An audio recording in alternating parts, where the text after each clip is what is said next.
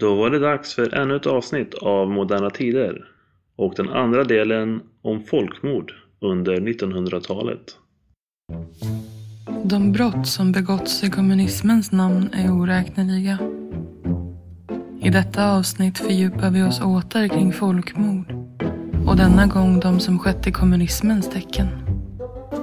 Vi rör oss från revolutionens Ryssland där bolsjevikerna via inbördeskrig befäste sin makt. Det som i förlängningen ledde fram till Stalins totalitära styre. Vidare går vi till Maos Kina och de enorma offer som gjordes i människoliv för den snabba utvecklingens skull. Slutligen tar vi oss till Kambodja och Pol Pots politiska experiment med oöverstigliga konsekvenser under några få år på 1970-talet. Vad finns för röd tråd som går mellan dessa händelser? Och hur spelar den kommunistiska ideologin in i hur det historiska utfallet har blivit? Återigen gästas podden av historieprofessorn i Lund, Claes-Göran Karlsson, som skrivit boken Folkmord, historien om ett brott mot mänskligheten.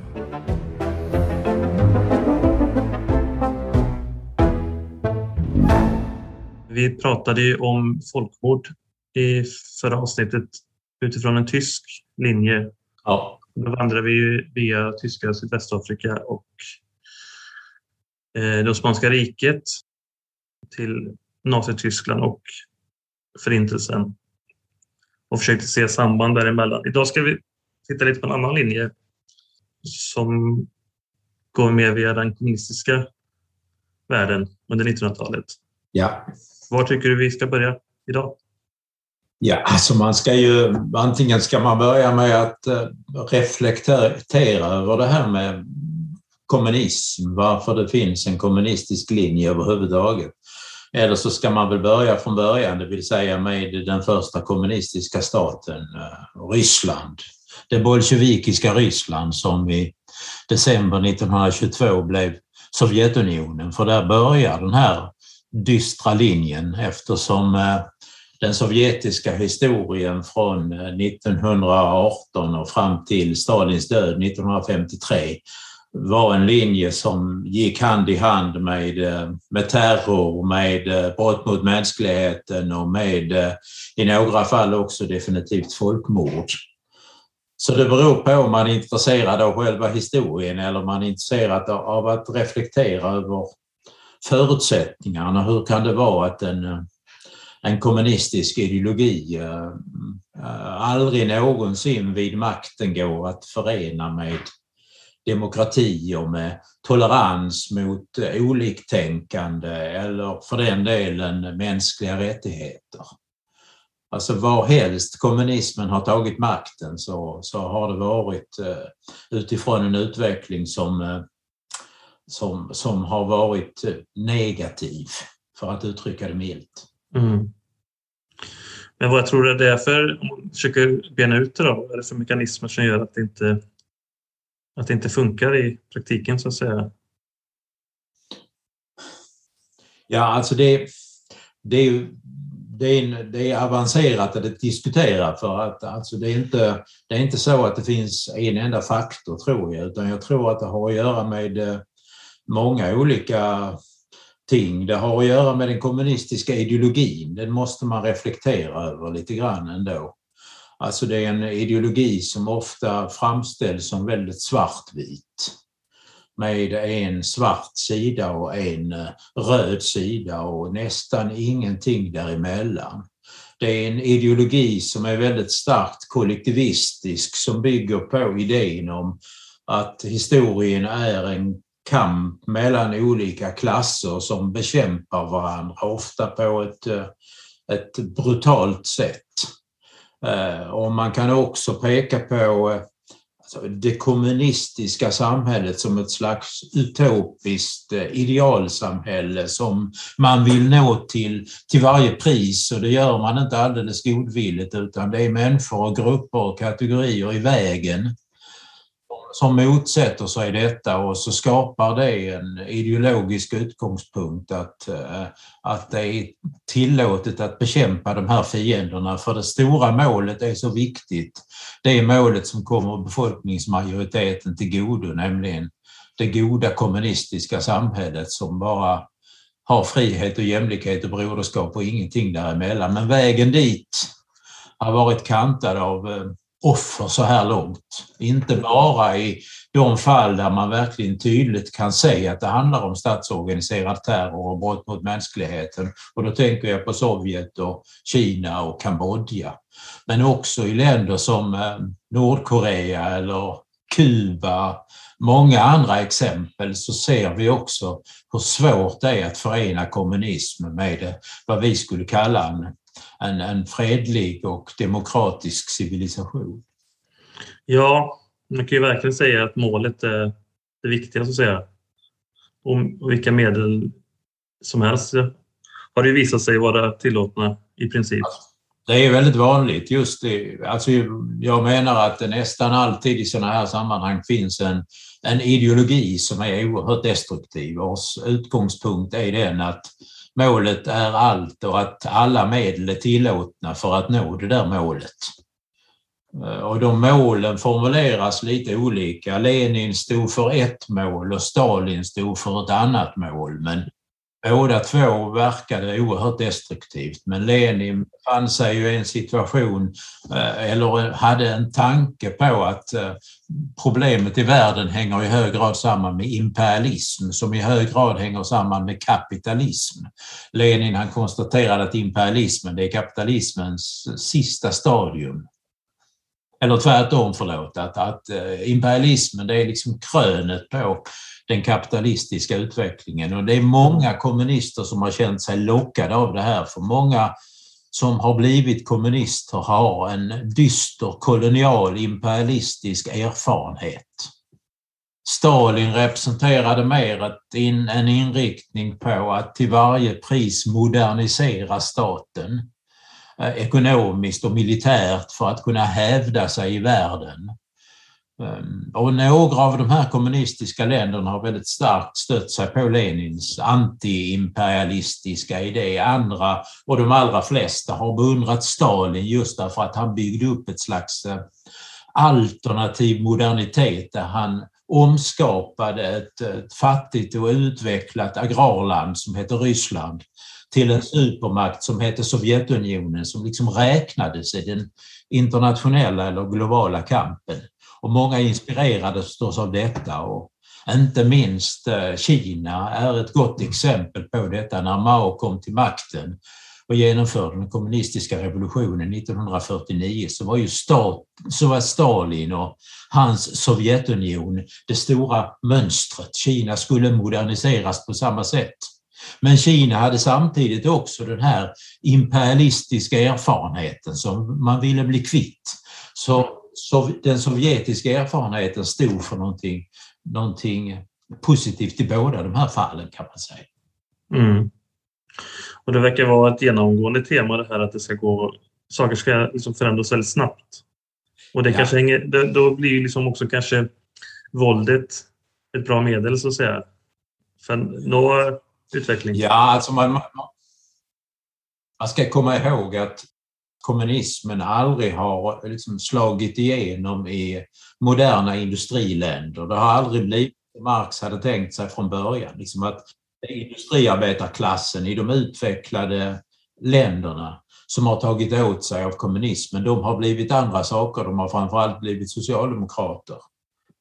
Medan kommunismen liksom har slagit rot i länder som har varit väldigt outvecklade och, och, och eh, där där demokratin aldrig någonsin har prövats tidigare.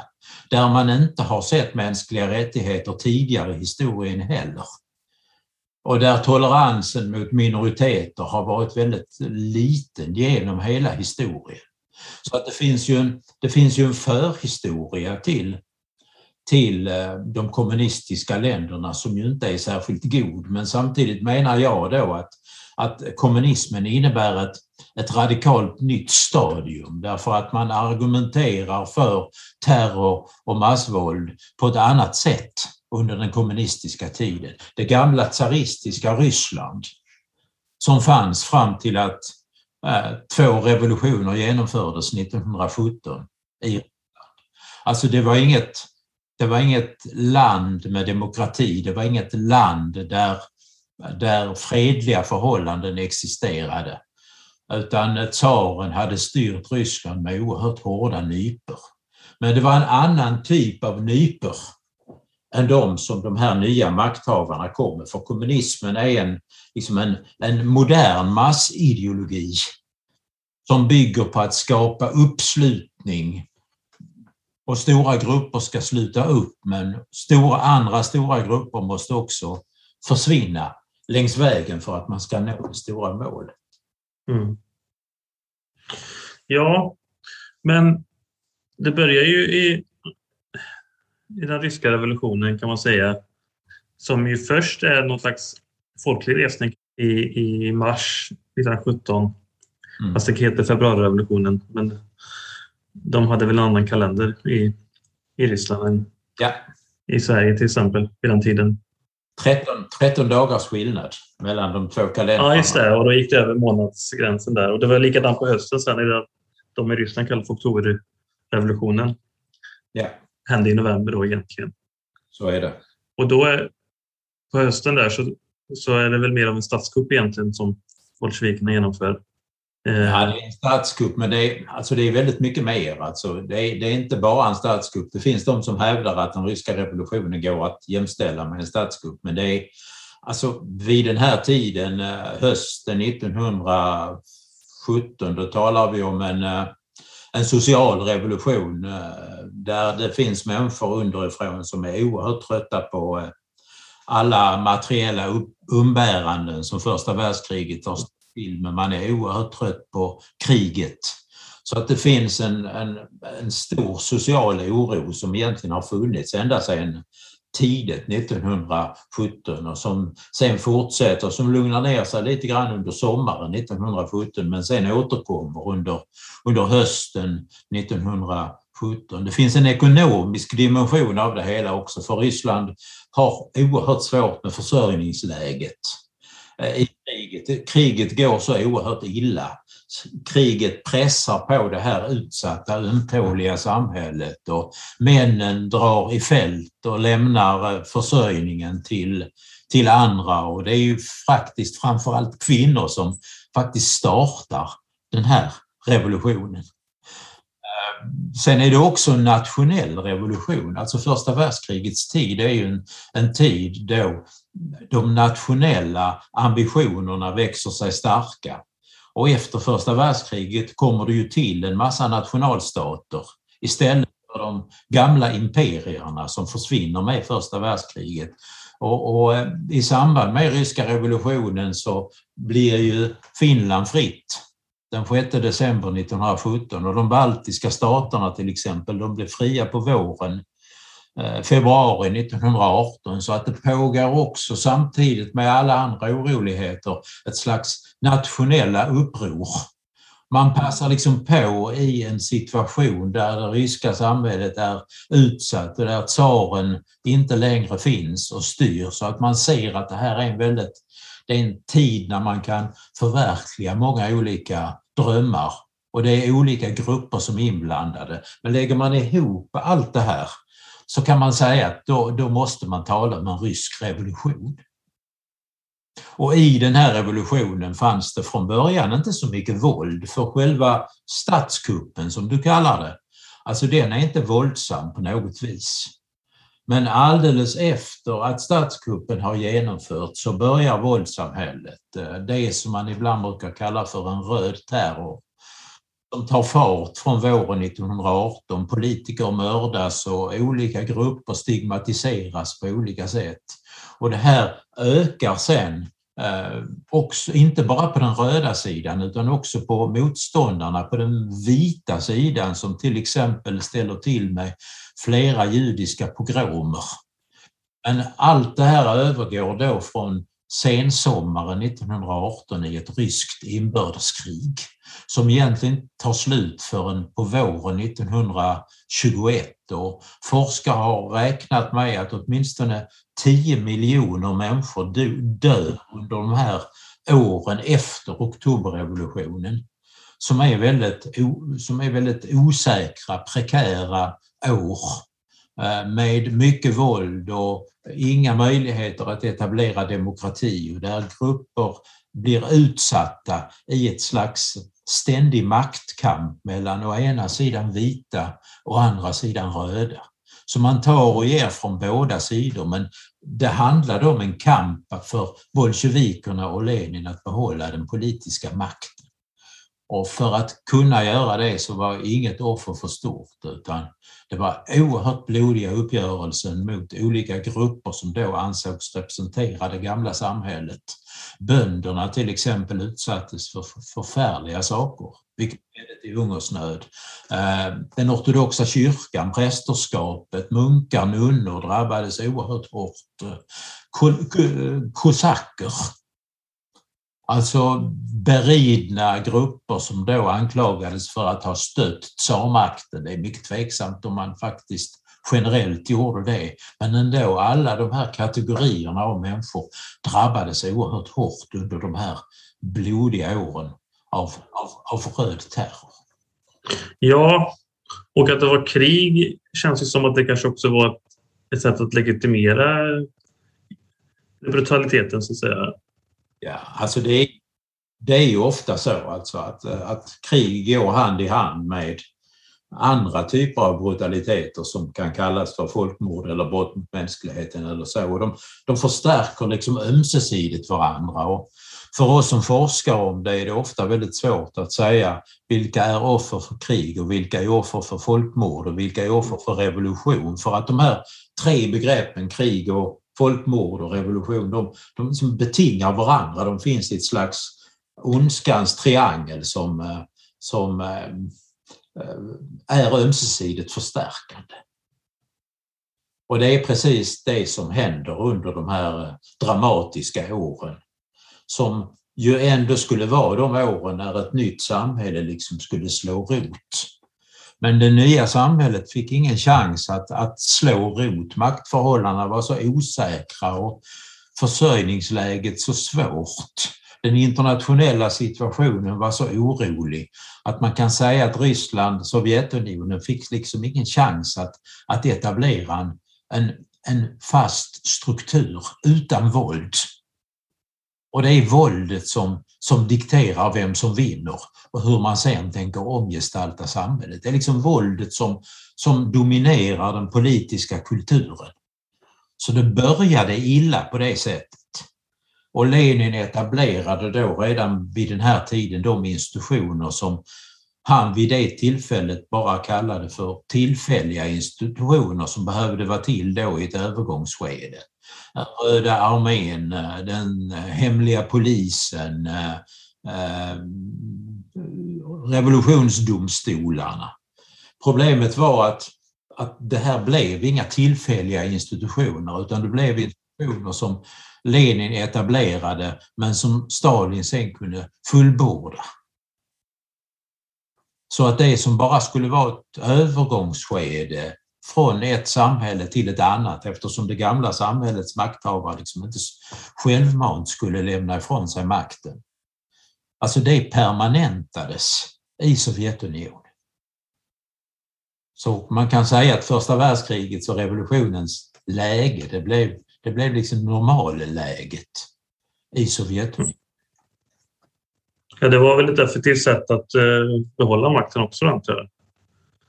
Att använda dessa hårda metoder. Det är klart att det var. Alltså, Lenin var ju inte alldeles säker på att behålla makten. Dels fanns det ju främmande arméer på rysk mark under inbördeskriget. Alltså man räknar ibland upp till 14 främmande arméer som ju allihopa stod på den vita sidan som tillhörde motståndarna. Men det var ju också så att det åtminstone fram till 1919-1920 fanns konkurrerande grupper i Ryssland som inte godvilligt gav makten åt, åt eh, bolsjevikerna. Alltså ett eh, socialdemokratiskt parti som på ryska heter mensjevikerna som betyder minoritetspartiet men det var tämligen stort och framförallt fanns det då ett slags eh, agrarsocialistiskt parti som hette Socialistrevolutionärerna. Och det var ett parti som i det val som faktiskt genomfördes alldeles efter statskuppen alltså överflyglade Lenins bolsjeviker och fick fler röster. Vilket innebar att Lenin insåg att jag kommer inte kunna gå vidare den demokratiska vägen utan jag måste stoppa de här konkurrerande partierna. Och det är vad Lenin gör och det är vad Stalin sen fortsätter med under åren kring 1930 tills det bara finns ett enda maktparti kvar. Ja. Men skulle du säga att det är bolsjevikernas liksom förmåga att upprätthålla det här våldsmaskineriet som gör att de kan liksom behålla makten? För de, de är ju ändå liksom maktbärande i mer än 70 år egentligen då. Ja, nej, jag skulle väl... Alltså det är nog för enkelt att säga att de sitter på våldsmaskineriet. Det gör de naturligtvis. Och särskilt under Stalin är det här väldigt tydligt. Men det finns ju andra inslag i det här också som är minst lika viktiga. Alltså man ska ju komma ihåg att Stalin hade ju en väldigt, han hade en väldigt stor uppbackning hos eh, stora delar av befolkningen. Alltså det var många som uppskattade hans politik, särskilt de som inte råkade illa ut som ett resultat av den. Alltså eh, de fattiga människorna, de egendomslösa människorna, industriarbetarna. Hos dem låg ju Stalin bra till de hade inte särskilt mycket att frukta utan de uppskattade då att, att Sovjetunionen blev ett land som industrialiserades och som, som gav bättre villkor. Och man skulle till och med kunna säga att under Stalin etablerades någonting som ja, man skulle kunna kalla för ett embryo till ett välf en välfärdsstat. Alltså folk fick barnbidrag och utbildningsväsendet eh, utvecklades och folk blev läs och skrivkunniga och och eh, någon form av pensionssystem etablerades också så att alltså, en, en förklaring till Stalins framgångar var ju just det att han ändå lyckades åstadkomma alltså, goda, i alla fall bättre villkor för många människor i Sovjetunionen. Sen drabbades ju många andra av honom, men majoriteten fick det ju bättre. Och många uppskattade också då att Sovjetunionen liksom hade förvandlats till en stark makt som det internationella samfundet eh, hade respekt för. Ja, och man spelar en avgörande roll så småningom i andra världskriget och sådär. Det kanske också påverkar positionen såklart. Ja, så det var ju det var ju naturligtvis oerhört viktigt att, att eh, man så småningom hamnade på rätt sida i andra världskriget och och eh, man började på fel sida med Molotov-Ribbentrop-pakten och hamnade på den nazistiska sidan. Men när kriget tar slut så, så finns ju Sovjetunionen på den segrande sidan och det ger ju Stalin Sovjetunionen en oerhörd goodwill. Eh, att man tittar på det här landet med större respekt och det märks, märktes också i Sverige vid den här tiden att vi ändrade uppfattning. Vi hade i Sverige en väldigt negativ syn på Sovjetunionen under mellankrigstiden. Eh, men efter andra världskriget så började man plötsligt tala om den sovjetiska framtiden och ett alternativt ekonomiskt och socialt system. Och visserligen fanns det ingen demokrati, men det fanns ekonomisk demokrati, trodde man på den tiden. Och, så, och Lenin framställdes inte längre som en skräckfigur utan någon som faktiskt eh, stod för någonting, om inte gott så i alla fall någonting nödvändigt för att omgestalta det här samhället. Och så, så eh, alltså Sovjetunionen överhuvudtaget alltså fick väldigt mycket gott utav att, att man, att man faktiskt var den stat som lyckades besegra Hitler, för så var det ju. Alltså genom 25 miljoner Sovjetmänniskors död så lyckades man besegra Hitler och nazisterna. Och det är naturligtvis en, en bedrift, det måste man konstatera.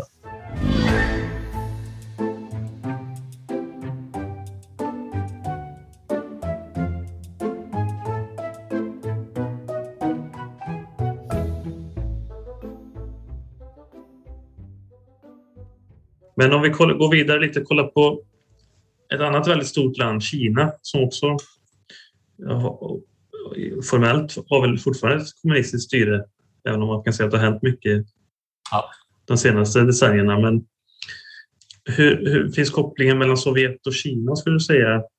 man ser, du sa ju tidigare att, att Mao till exempel var väldigt inspirerad av både Stalin och Lenins idéer. Ja. Ja. Eh, och Kina kunde fånga upp både eh, båda deras liksom, huvudpoänger. Mm, och inte, Men, bara, alltså inte bara fånga upp, inte bara inspireras utan alltså Kina det kommunistiska Kina när det tog makten 1949 fick ju under lång tid väldigt starkt stöd av Sovjetunionen. Alltså det var Sovjetunionen som försåg Kina med mycket alltifrån jordbruksredskap till vapen. Man försåg eh, Kina med kommunistiska kadrer, det vill säga man, man utbildade många kinesiska kommunister i, i Moskva. Och, överhuvudtaget så, så var man väldigt nära varandra. Man reste på statsbesök till varandra och förstärkte varandras politik. Alltså man insåg förstås, Mao insåg förstås att Kina och Sovjetunionen inte riktigt var samma sak. Alltså Mao insåg att, att Kina är väldigt mycket mer ett agrarland. Men alltså idealet att kasta av sig imperialismen, att etablera ett kommunistiskt styre där Kina förvandlas från ett efterblivet agrarland som har utnyttjats av västmakterna till en stark kommunistisk stat som resten av världen har respekt för ekonomiskt, militärt. Ehm, och Mao var lika, liten, lika lite som de sovjetiska ledarna intresserade av, av demokrati. Det var, inte något, det var inte något förstahandsmål eller ens tredjehandsmål utan eh, det fanns andra målsättningar som var oerhört mycket viktigare och framförallt var det den här moderniseringen av ekonomin och militärmakten till varje pris. Och det är ju någonting där man ser väldigt tydligt att det är samma typ av modernisering, alltså det är samma typ av strävan efter en snabb ekonomisk och militär modernisering. Att göra om människor från förkommunistiska människor till kommunistiska människor, att inte dra sig för massivt våld för att genomföra det här, att att man får kalkylera med att stora grupper av människor kanske hungrar under det här stora kommunistiska experimentet, men att det faktiskt kan, kan vara värt det eftersom det, det långsiktiga målet är så mycket viktigare. Man, man ser ju ändå att de här, den här moderniseringspolitiken, där finns väldigt tydliga drag av det sovjetiska i Kina. Så det som kallas det stora språnget, det är, det är ju Stalins revolution men på kinesisk mark och med större betoning på bönderna och agrarsamhället, landsbygden. Men också en begynnande industrialisering. Men industrialiseringen ägde ju i Kina rum mycket mer på landsbygden än vad det gjorde i, i Sovjetunionen. Ja. Men det som föregår eh, eh maktövertaget är också ett inbördeskrig eh, som varar väldigt, väldigt länge kan man säga. Ja, man kan, det, det är ju riktigt. Alltså i många av de kommunistiska fallen, eh, Kambodja som vi kanske kommer att prata om en, om en stund, alltså det, det är samma sak där, att väldigt mycket av motståndargrupperna har decimerats kraftigt i de här inbördeskrigen. Så att eh, det, det, det, finns ganska stora möjligheter i ett utslaget samhälle som befinner sig i ett eländigt tillstånd att erövra makten då. Alltså det, det ger större möjligheter än, än om man måste kämpa mot en eh, stark fiende.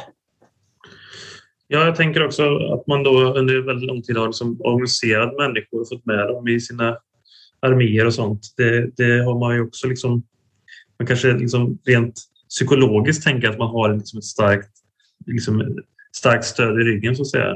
Ja, och särskilt då mot, mot de här eh, alltså, fattiga och egendomslösa människorna. För de som, de som backar upp kommunismen allra mest, det är just alltså, bönderna, bondemassorna på landsbygden som ju ser kommunismen som någonting som är, är värt väldigt mycket och att man kan använda kommunismen för att göra upp med rikebönderna, de mera välbeställda på landsbygden som man alltid har varit avundsjuka på.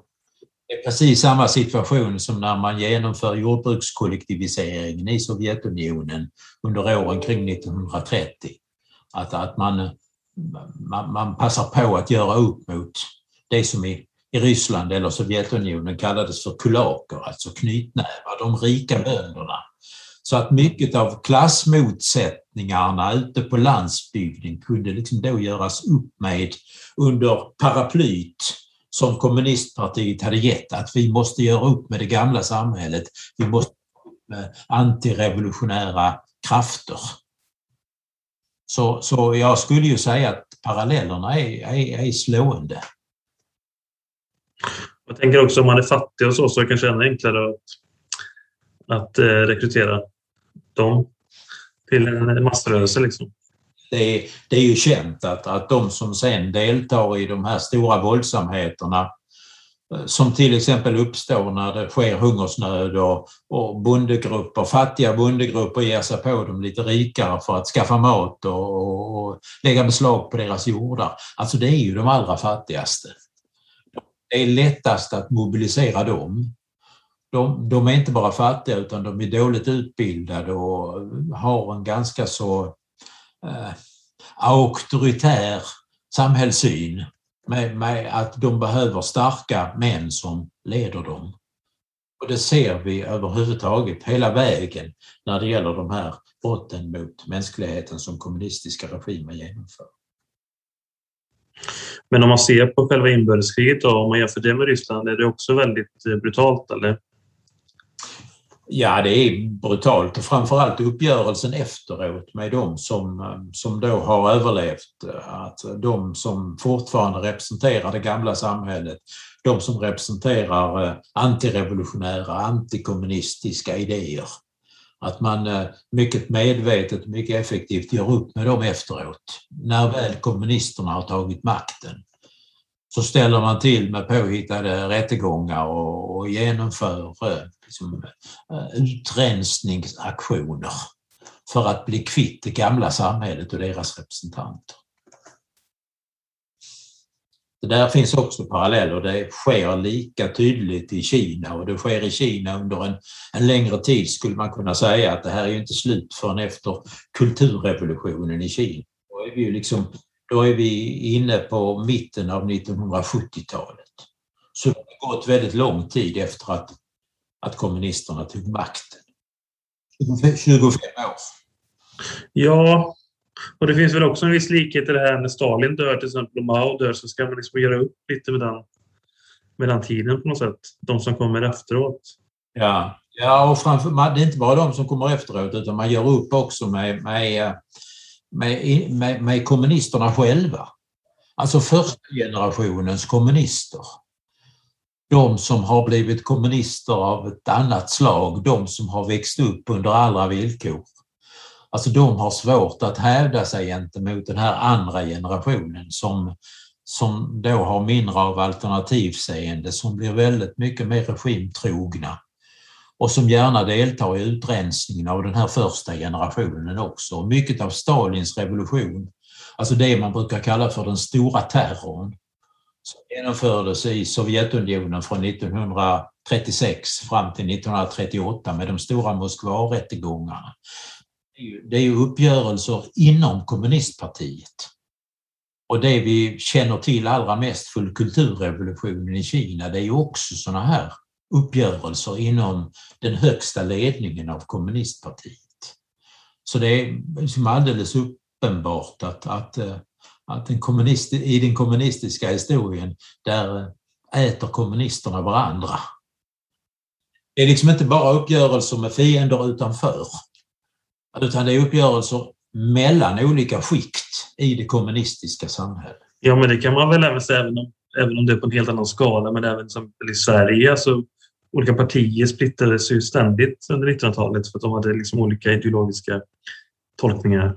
Ja, precis. Men i de flesta västländer, där, där finns ju också starka kommunistpartier, till exempel i Italien eller Frankrike, men eftersom de verkar inom ett politiskt system som är demokratiskt så, så sker inte den här typen av utrensningar. Nej, precis. Det är klart att det finns motsättningar och den svenska vänstern delades ju 1921 så att vi fick ett Sveriges kommunistiska parti som bröt sig ur socialdemokratin.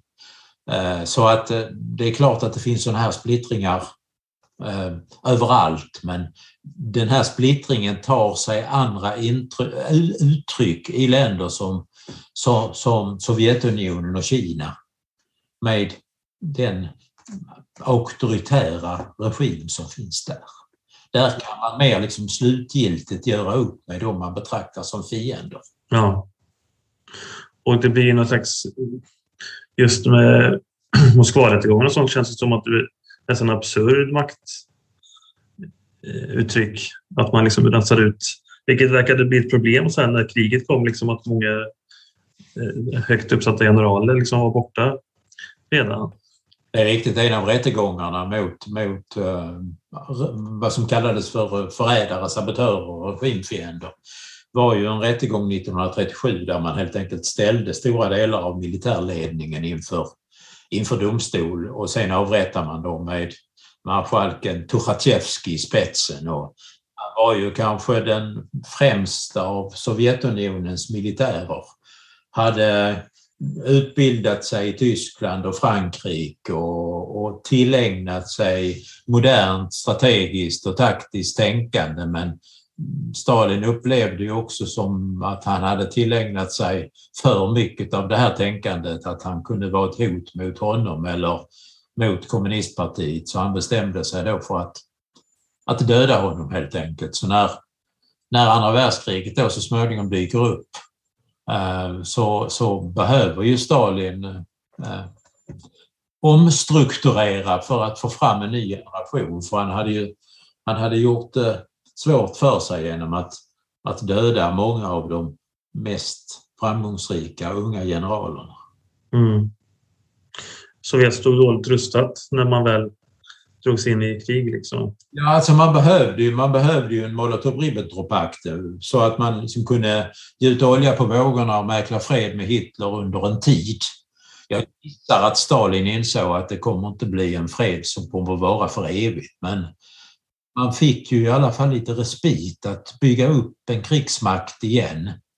Ehm, och Hitler fick en annan typ av respit för han behövde inte slåss på två fronter utan Nej, han kunde koncentrera sig på att, att erövra och ockupera länderna i väst och Polen förstås. Och, eh, liksom lämnade Sovjetunionen därhän men, men det var ju bara fram till sommaren 1941 och sen Sen hamnade Sovjetunionen på den andra sidan så att säga. Men då hade man redan, man redan fått ett par år till att, att, eh, att omstrukturera. Och det var viktigt, gissar jag, för att, för att uh, kunna, kunna besegra Hitler så småningom, att man faktiskt gjorde det. Ja, med tanke på då vad som hade hänt åren innan med utrensning och så. Ja. Också. Ja.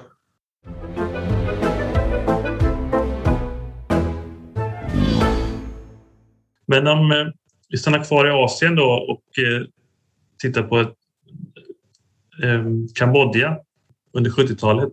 Mm. Och Röda khmerernas maktutövande där. Vad är det som leder fram till att Röda khmererna hamnar vid makten i Kambodja? Alltså det är det är också där ett, ett, ett inbördeskrig som inte bara är ett inbördeskrig utan som är en del av ett internationellt krig också. Alltså dels krigar då de röda khmererna, alltså kommunisterna under, under Pol Pot, mot de konkurrerande krafterna i Kambodja. Men man, man är också del av Vietnamkriget och USAs bombningar i Kambodja som ju var till då för att, för att förstöra tillfartsvägarna till Vietnam där motståndarsidan kunde föra fram livsmedel och vapen och mycket annat. De där bombningarna bidrog ju också till att, att kommunisterna stärkte sin makt. eftersom eh, USA diskvalificerade sig kan man nästan säga genom de här våldsamma bombningarna av, av Kambodja. Så att eh, alltså det finns ju det finns påtagliga likheter på det sättet. Men alltså jag, jag skulle ju säga att det är båda de här eh, det är båda de här idéerna som kommer från Sovjetunionen från början. Det är framförallt den imperialistiska idén i, i Kambodja. Alltså Pol Pot och hans röda khmerer, de, de ser oerhört negativt på den imperialistiska perioden. Alltså Kambodja var en, en fransk koloni under väldigt lång tid. Eh, och, och eh, khmererna, folkgruppen khmererna drabbades allra hårdast av detta. Så det fanns uppenbarligen en sådan idé om att nu ska vi hämnas, nu ska vi ta makten, nu ska vi göra upp med det, med, med det imperialistiska förflutna. Men det fanns ju också en idé om att, att göra om Kambodja till en kommunistisk idealstat. Visserligen inte likadan, inte riktigt likadan som, som eh, i det kinesiska fallet eller det sovjetiska fallet för att Pol Pot han var, han var väldigt mycket mer historiemedveten. Han, in, han ville gå tillbaka till liksom ett, ett, ett kambodjanskt drömland, ett ankor som hade funnits i Kambodjas historia och som han idealiserade. Men det är, en, det är en konstig dubbelhet i det, för samtidigt som han vill gå tillbaka till det förflutna så vill han samtidigt omgestalta det till ett, ett effektivt eh, kommunistland med industrier och med ett eh, jordbruk som kan försörja befolkningen och, och med en oerhört brutal politik eh, som ju i det kanske det kambodjanska fallet är den brutalaste av dem alla. Alltså under loppet av eh, tre år och åtta månader så lyckades Pol Pot och khmererna ta livet av nästan en fjärdedel av Kambodjas totala befolkning specifika grupper som, eh, som eh, vietnameser och kineser och eh, buddhistmunkar, intellektuella, folk med glasögon, stadsbefolkningen. Alla de där hatade han av olika skäl. Men samtidigt med ett slags moderniseringssträvan. Men av ett ganska egenartat och dubbelt slag eftersom det samtidigt fanns den här fascinationen för ett, ett tidigare Kambodja. Ja, men vad, händer, vad hinner hända på den andra fronten då? Hinner man industrialisera landet någonting med den här perioden? Eller? Nej, man gör ju inte det därför att alltså, de här nästan fyra åren, de är ju så destruktiva. Man för ut, man tömmer huvudstaden Phnom Penh på befolkning och och för ut den här befolkningen på landsbygden där den ska arbeta och, och modernisera jordbruket. Men det låter sig inte göras på något enkelt sätt så man kan ju inte säga att man kan inte säga att själva moderniseringen ens hann påbörjas. Utan det som, det som påbörjades och, och gjordes effektivt, ja det var utrensningen, det var mörda, massmorden på stora delar av befolkningen. Det är vad Pol Pot han med. Så att han skapade liksom aldrig någon, han skapade aldrig någon bas för en ny maktposition, en ekonomisk, social och militär bas. Och det gjorde förstås honom utsatt. Ja. Medan Sovjetunionen och Kina då, trots detta våld, blev starka internationella makter så, så nådde ju Pol Pot aldrig fram i det avseendet utan när han störtades då de första dagarna 1979 då lämnade han efter sig ett land i, som var fullständigt förött och förstört. Ja, för det är Vietnam som går in va, militärt ja, jo, det är det. och störtar. Och är det, är, det, är det det som pågår där inne så är det också skäl, alltså brutaliteten, morden som gör att de agerar eh, mot Kambodja? Ja, alltså det, det, är alldeles oklart vad, vad, det är som gör att vietnameserna går in. Men alltså man, man, man motiverar det med att så många vietnameser i Kambodja har råkat illa ut. Men det är ett kommuniststyre i Vietnam som går in. Ja, precis. det är kommunister som angriper kommunister kan man säga. Ja. Där har vi återigen den här splittringen i den kommunistiska rörelsen. Ja. Men jag tänker den här aspekten att liksom Kambodja är liksom kanske, man tänker Sovjet absolut efter andra världskriget. Kina är visserligen kanske långt senare men ändå liksom ett stort land i folktal. Kambodja är ju liksom ett betydligt mindre spelare. Spelar det någon roll att, som att, det, att det rasar samman snabbare tror du? Ja, antagligen gör det det, men jag skulle tro det att, att, att, att, att landet blir så systematiskt förstört. Ja. Att, att det inte finns någonting att grunda sin maktposition på. Alltså det finns ingen militärmakt som kan slåss. Det finns ingen, det finns ingen ekonomisk styrka i landet, alltså, utan det finns bara splittring och död. Och det, jag gissar att det, det gjorde att man liksom aldrig kunde bygga upp något kommunistiskt land värt namnet. Men det är inte, alltså många länder eh, som blev kommunistiska stater, de är ju lite mindre också. Alltså eh, länder i, i, i Latinamerika, säg Peru, eh, eller länder i Afrika, säg Tanzania, var ju också oerhört inspirerade av kommunistiska idéer. Också där blev det stark splittring och inga särskilt starka stater som kom ut ur det.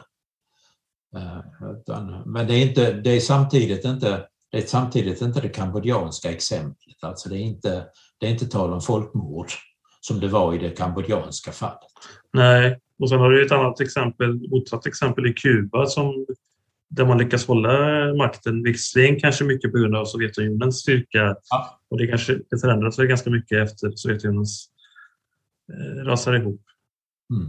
Eh, Nej, men alltså, det är rätt. Alltså både Kina och, Kina och Sovjetunionen höll ju många av de här regimerna, eller nästan alla regimerna, under armarna och, och hjälpte dem på olika sätt. Det blev ju en strategi hos, hos eh, de, de kommunistiska stormakterna liksom att se till att kommunismen skulle sprida sig över, väg, över världen. Och då eh, och då behövdes det ju både materiell materiellt och, och mera andligt stöd så att säga. Men det är liksom samma typ av processer som upprepas. Och det ser vi också för att ha någonting mer närliggande, det som hände i Östeuropa efter andra världskriget. Där vi också får nya kommunistiska stater som ju i hög grad följer det, det sovjetiska exemplet. Det är väl Polen minst som gör det, men i de andra staterna så etableras det enpartisystem. Eh, maktstater, inte rättsstater, planhushållningar, eh, kyrkor som tvingas eh, eh, stänga och förvandlas till museer eller till, till lagerlokaler istället. Och, alltså, det är mycket av den sovjetiska politiken som går igen i de här länderna. Och det, det är ju så Sovjetunionen gjorde för att sprida kommunismen över världen, att försöka se till att andra länder imiterar det sovjetiska samhällsbygget. Jag tänkte på om man ser lite eh, hur omvärlden såg på de här eh, sakerna. Alltså till exempel det som hände i Sovjetunionen eh, och Stalins eh, hårda politik och sen Maos det stora språnget och miljontals människors död. Och, och Kambodja då som ett senare exempel. Mm. Jag antar att man kände till ganska väl vad som skedde i de här sammanhangen. Ja, alltså det gjorde man ju så småningom. Det är klart att det är inga, det är inga länder som man från väst har haft stor insyn i. Alltså jag, jag känner ju mest till det sovjetiska eftersom jag har sysslat med Sovjetforskning ända sedan jag disputerade 1987 på en avhandling historieskrivning och politik i Ryssland och Sovjetunionen så har jag, liksom, jag har ju konkret in, som, som forskare kunnat uppleva det här att, att det, det är ju förstås en bit från Sverige till Sovjetunionen inte bara det att det ligger en Östersjö emellan utan det är två helt olika system och det är två helt olika kulturer. Det är väldigt få människor i Sverige som kan ryska. Så att vi också, det är också väldigt få forskare i Sverige och i väst som har sysslat med med Ryssland och Sovjetunionen. Och Kina är ju inte annorlunda men, men samtidigt har det ju Alltså det har ju funnits kunskap. Vi har ju haft, eh, vi har ju haft journalister, vi har haft diplomater, vi har haft andra som har rapporterat därifrån. När eh, den stora terrorn och terrorhungersnöden i Ukraina och annat drabbade Sovjetunionen på, på 30-talet så rapporterades ju detta hem. Och det fanns ju också i tidningarna. Och, men det fanns ju tämligen många som, eh, som eh, inte ville tro på det som hände. Som gärna ville försvara det Sovjetunionen gjorde genom att försöka säga att ja, men det var ju ändå en modernisering av ett efterblivet land och för många människor är det någonting väldigt gott det som händer och att det är klart att det kräver vissa offer men det är ändå ganska små offer med tanke på vad som ska hända. Så att vänstermänniskor i väst har ju alltid haft svårt att tala om de här mera våldsamma dragen i de kommunistiska samhällena. Och det är inte så konstigt därför att de har liksom byggt väldigt mycket av sin identitet, sina existentiella och politiska, ideologiska, moraliska värderingar på att kommunismen är någonting gott. Att kommunismen är en ideologi som, som är till för att stödja de fattiga och de egendomslösa och de maktlösa och att, att då kombinera detta med att försöka förklara hur de kommunistiska staterna samtidigt har blivit våldssamhällen där man har eh, dödat hela kategorier av människor bara för att behålla makten hos diktaturerna. Alltså det, har, det är klart att det har varit svårt. Att man har ju man har ju då också i forskarvärlden försökt att, eh, att hitta strategier för att eh, banalisera det som har hänt där, för att eh, rationalisera det, det vill säga att liksom lägga det till rätta i efterhand genom att säga att ja men det är västmakterna som minsann var så brutala och hårda mot de kommunistiska staterna så de fick eller, eller det var nödvändigt att göra det på grund av att modernisering måste genomföras. Så det har liksom funnits en, man brukar ibland kalla det för en revisionistisk skola. En skola som har varit inriktad på att säga att ja, men det som hände i Sovjetunionen, det som hände i Kina, det var någonting som kom underifrån, från folket. Och därför var det legitimt. Man försökte på olika sätt att förbättra sin värld, att skapa frihet och jämlikhet och broderskap. Och att det då sker vissa olyckor längs vägen, att plötsligt kommer en man som heter Stalin som ju inte alls passar in i deras mönster. Alltså det är sådant som har, har präglat historieskrivningen för historieskrivningen framförallt om Sovjetunionen har ju under lång tid varit ett vänsterprojekt. Alltså det är människor som har funnits på vänstersidan av det politiska och ideologiska spektrumet som har sysslat med den typen av historia. Samtidigt så känns det som att kanske liksom den där synen från omvärlden förskjuts med tiden också. Att liksom Sovjetunionen blir ju lite mossigt liksom ganska snart och sen blir Kina något nytt och mer, kanske mer spännande. Och, och kulturrevolutionen var ett uttryck för det också.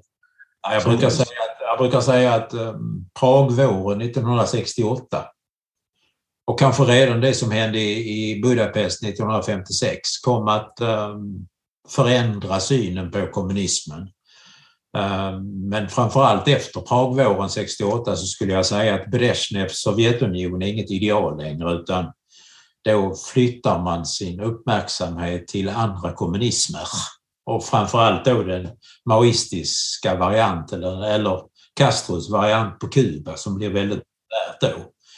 Alltså Sovjetunionen mister många av sina anhängare genom genom de här ingripandena i, i Budapest och i Prag. Eh, medan Maos kommunism blir väldigt populär. Maos lilla röda blir ett redskap för många vänsterintellektuella i väst. Men man kan ju säga också att det blir motsägelsefullt för Sovjetunionen det här antiimperialistiska blir svårt att försvara när man själv agerar i andra länder. Visst. På det Visst. sättet. Nej, det, det är rätt. Det är, det är motsägelsefullt och paradoxalt för att menar, det är klart att att västmakterna har varit imperialistiska genom den moderna historien, det är alldeles uppenbart. Men, men även de kommunistiska staterna har verkat imperialistiskt skulle jag säga.